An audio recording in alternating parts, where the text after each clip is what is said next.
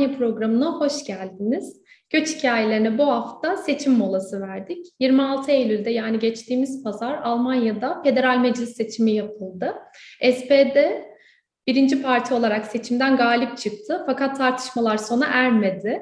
Üçlü koalisyon tartışmaları devam ediyor. Seçimlerde e, aday olan liderlerin açıklamaları, partilerden açıklamalar gelmeye devam ediyor. Angela Merkel yeni hükümet kurana kadar görev başında.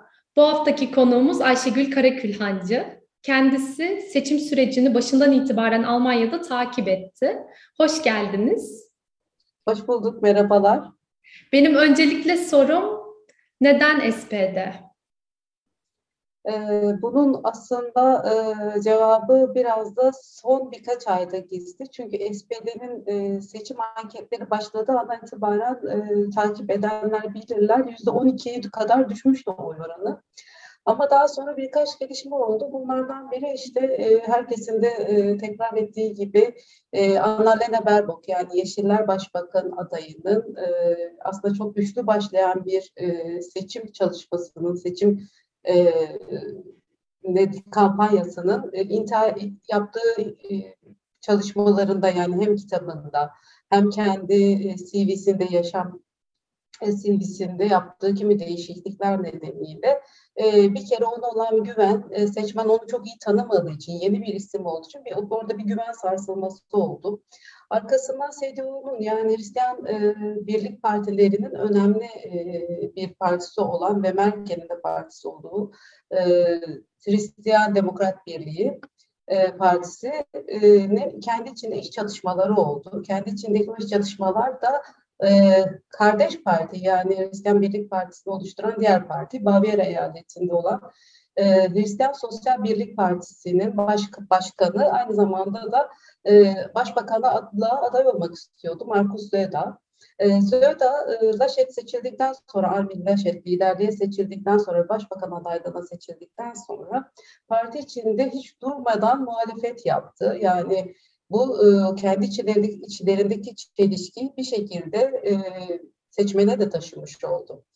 Burada SP'den öne çıkmasının tek sebebi bir e, Laşet'in yaptığı hatalar, e, işte e, afet bölgesinde e, kendi gülmesi, insanlar orada acı çekerken sinirlerine hakim olamaması, onun dışında Berbok'un yaptığı hatalar ve liderlik üzerinden gittikçe seçim çalışmaları yani partiler arasında çok küçük farklar olduğu için liderler üzerinden gitti ve aslında biraz da burada Merkel'in rolü oynuyor. Merkel 16 yılda bir lider kültü yarattı Almanya'da. Yani eskiden Almanya'da partiler oy verilirken şimdi kişilere oy verilir o hale geldi Almanya'da.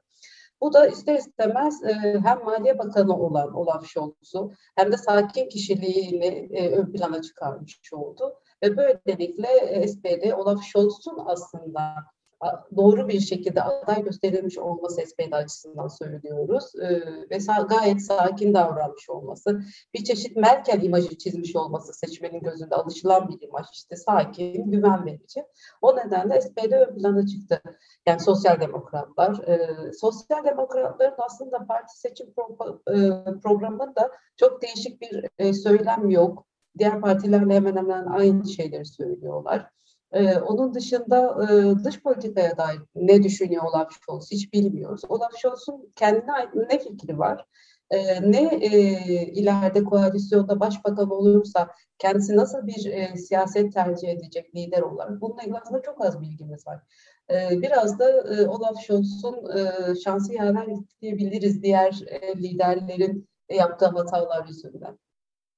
Peki aslında bu koalisyon tartışmalarını etkileyebilecek bir şey e, söylediğiniz bu nokta bence çok önemli. Çünkü dün seçimden sonraki ilk gündü ve tartışmalar hep ya da analizler hep baskın olanın trafik lambası koalisyonu dedikleri koalisyonun geleceği yön, yönündeydi. Ee, SPD, Yeşiller ve Hür Demokratlardı. Fakat e, sürprizlere açık bir durum bu aslında kesinleşmiş bir şey yok ortada. Ee, ve dediğiniz gibi SPD parti programı üzerinden kazanmadı aslında. Söylediğiniz e, nokta önemli. Peki bu koalisyon tartışmalarını nasıl etkiler? Sürpriz gelişmeler neler olur? Şimdi öncelikle şunu söyleyelim, hani e, seçimlere baktığımızda kısaca söyleyelim. SPD'ye oy veren e, yaş ortalaması eskiden e, biraz daha gençken şu anda biraz daha yükselmiş durumda. Gençlerin çok büyük bir bölümü yeşillere oy verdi. %25 gibi bir 18 yaşından itibaren seçme olan gençler bu yıl ilk defa oy kullananlar bu dönem %25 yeşilleri tercih etti, %22 liberal partiyi tercih etti. Yani aslında gerçek değişimi isteyenlerin büyük bir bölümü yeşillere verdi, gençler yeşillere verdi. SPD biraz daha kök köklü bir, bir parti olduğu için biraz daha yaş ortalaması yüksek olan kesimden oy almış oldu.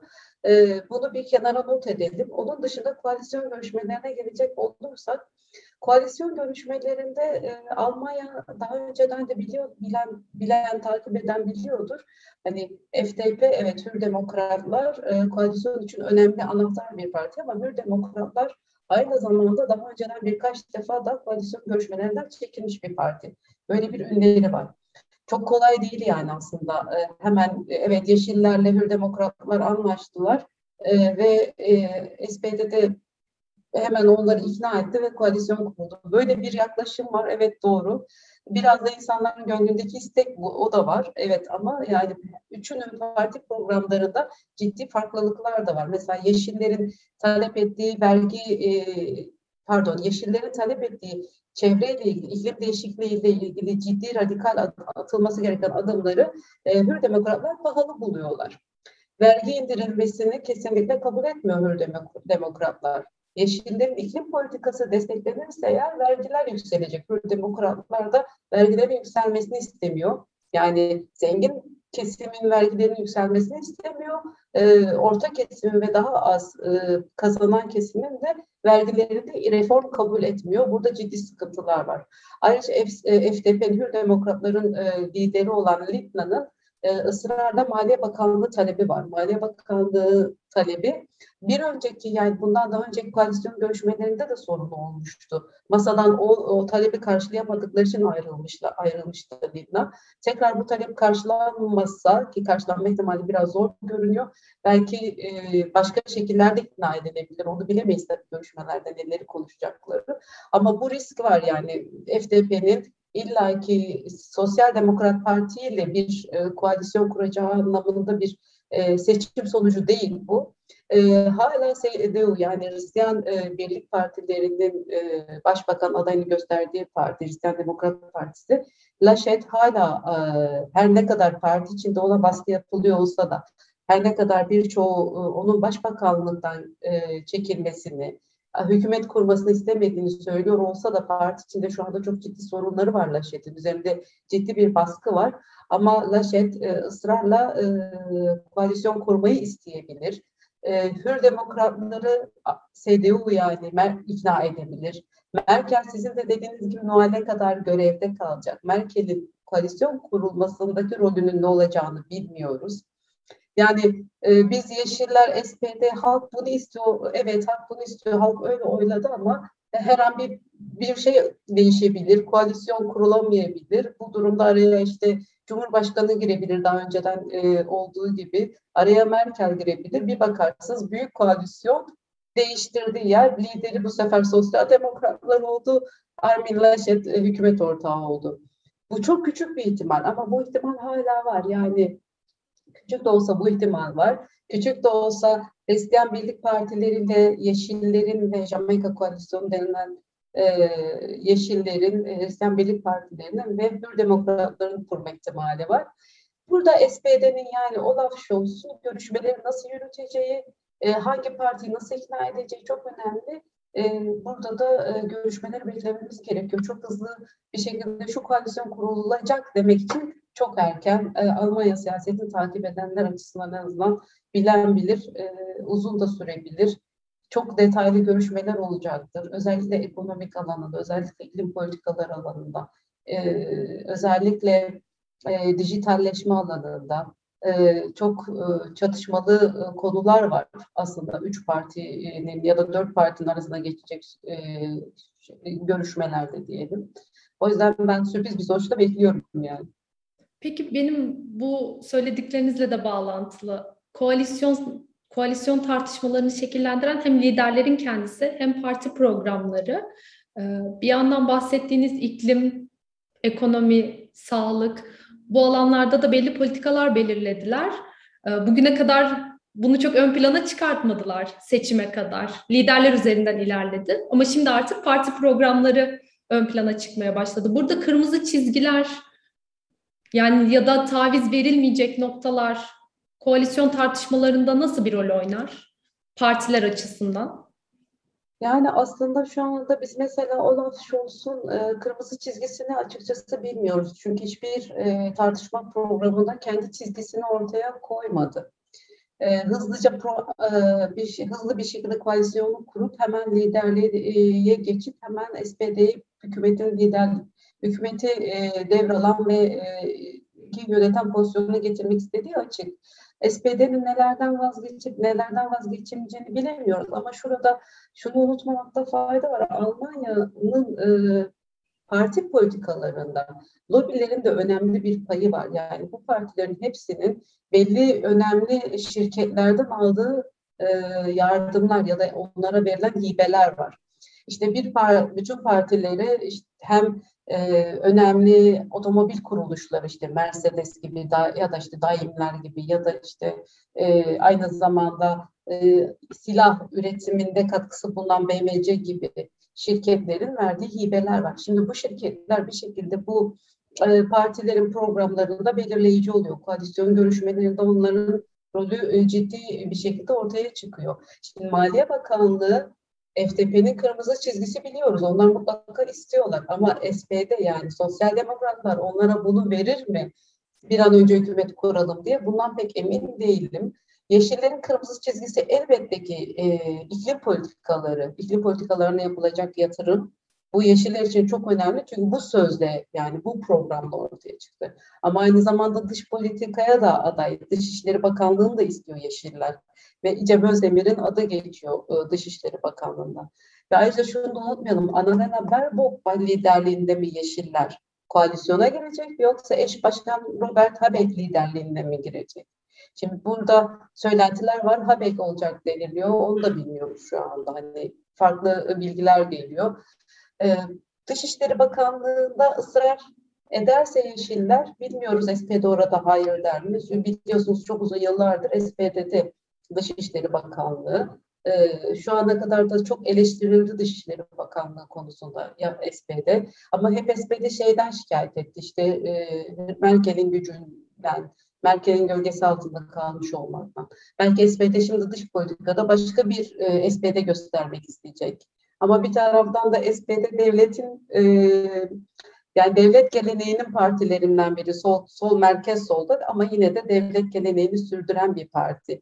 Şimdi e, devlet geleneğin, geleneğine aykırı davranıp daha ciddi çıkışlar yapar mı? Yoksa işte e, çatışmalı bölgelerde, çatışmalı ülkelerle ilgili yine e, yatıştırma politikasıyla mı devam eder? Yeşiller çünkü burada biraz daha şahin rolünde olacaklar. Daha çok insan hakları diyecekler, daha çok demokrasi diyecekler. Bunlar bizim görebildiğimiz kaba çizgiler. Ama çok daha detaylı sağlık politikası dediniz. Mesela orada e, FDP'nin sağlık politikaları da sıkıntılı. Çünkü özelleştirmeden yana bir parti. Ama kam, biz e, korona döneminde gördük ki e, aslında özelleştirme e, Almanya için de çok kötü oldu. Sağlıkta sıkıntılar yaşandı, sağlık personelinde sıkıntılar yaşandı. FDP'nin e, oyunun yükselmesi, gençler verdi, yüzde 22 gençler FDP'ye oy verdiler, demokratlar, liberallere. Çünkü en çok korona yasaklarından, korona yasakları içerisinde gençlerin e, eğitim alma hakkının engellenmesinden ya da zorlanmalarından, dijitalleşmenin önemine vurgu yaptığı için gençler FTP'ye oy verdiler. Burada da tabii biraz şeyin de etkisi var. Hani ne kadar politikayı takip eden gençler var ve ne kadarı e, bütün parti programını okuyor. Hani tartışmalarda ya da e, sokaklarda gördüğü afişlerden etkilenenlerin sayısı az değildir diye düşünüyorum. FDP'nin parti e, rekla, e, afişlerinde hani İngilizce parti afişleri asarlar onlar mesela. Hani onlar da kimi gençlere sempatik görülebilir. E, böyle biraz daha farklı bir tutumları var onların ama sağlık politikaları, vergi, dijitalleşme ile ilgili atılacak adımlar, iklim politikalarına harcanacak para e, koalisyon için ve Dışişleri Bakanlığı'nın kimde olacağı koalisyon için önemli sorular tabii. Benim merak ettiğim diğer bir büyük başlık da bunlarla birlikte e, aslında seçim sonuçlarından çıkartılan belli başlı maddeler vardı. Gerek merkez sağın düşüşü, sol partinin oy kaybedişi, bir yandan AFD'nin e, önceki seçimlere baktığımız zaman yine belli oranlarda e, oy alması. Bunları düşündüğüm zaman aklıma göçmen politikaları geliyor. Koalisyon tartışmalarında e, ne kadar etkili olabileceği ya da bahsettiğiniz kaba çizgilerden taviz verilmezken göçmen politikası başlığı ya da programlarındaki bu başlık ne kadar taviz verilebilir hale geliyor? Buradaki açıklık nedir? Koalisyon tartışmalarını belirleyici bir rol oynuyor mu sizce? Yani göçmen politikaları belki de koalisyon e, görüşmelerinde en az rol oynayacak konulardan biri olacaktır diye tahmin ediyorum. Bir de aslında şeyin hür demokratların, liberallerin e, göçmenlerle ilgili ciddi bir programı da yok. Onu da söyleyelim. E, SPD'nin var. İşte Yeşillerin en güçlü politikası şu anda seçilenler arasında en güçlü göçmen politikası olan Yeşiller. Onlar parti programlarını 8 dilde hazırladılar mesela.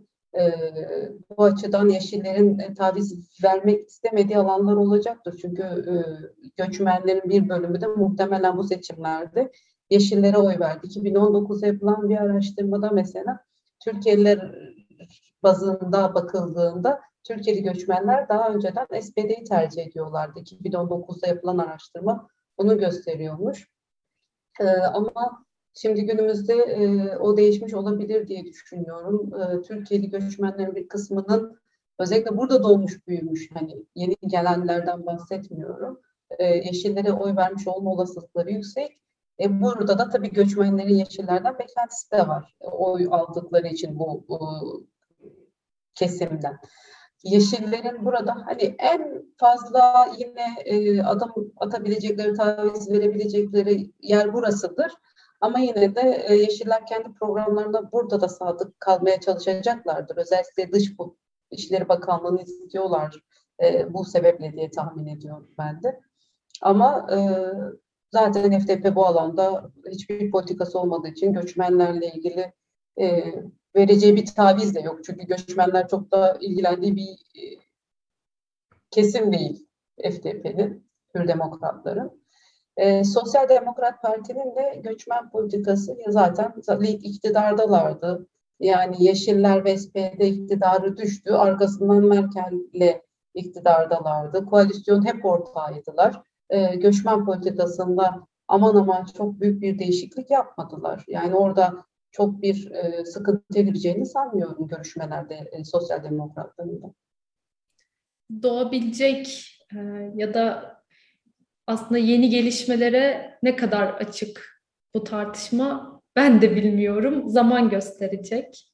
E, dediğiniz gibi konuşmak için de çok erken. E, daha ikinci günü, seçimlerden sonraki ikinci gün. E, sorularımı yanıtladığınız için teşekkür ederim. Ben teşekkür ederim. Ee, çok e, kısa zamanda hızlıca e, büyük bir e, ülkenin politikasını toparlamaya çalışıyoruz. E, bazen şunu da görmekte fayda var. Yani Almanya e, demek, Alman partileri demek çok eski gelenekleri sürdüren partiler. E, onu da göz önünde bulundurarak e, bu analizlerimizi dinlerlerse e, izleyicilerimiz e, onu şimdiden söylemekte fayda var. Sonra işte e, hani öyle demiştiniz. Yani biz burada sadece var olan e, e, resim üzerinden konuşabiliyoruz. Onu belirterek e, çok teşekkür ediyorum e, bu programda seninle beraber yapma şansım olduğu için. Tekrar umarım bir araya geliriz. Umarım.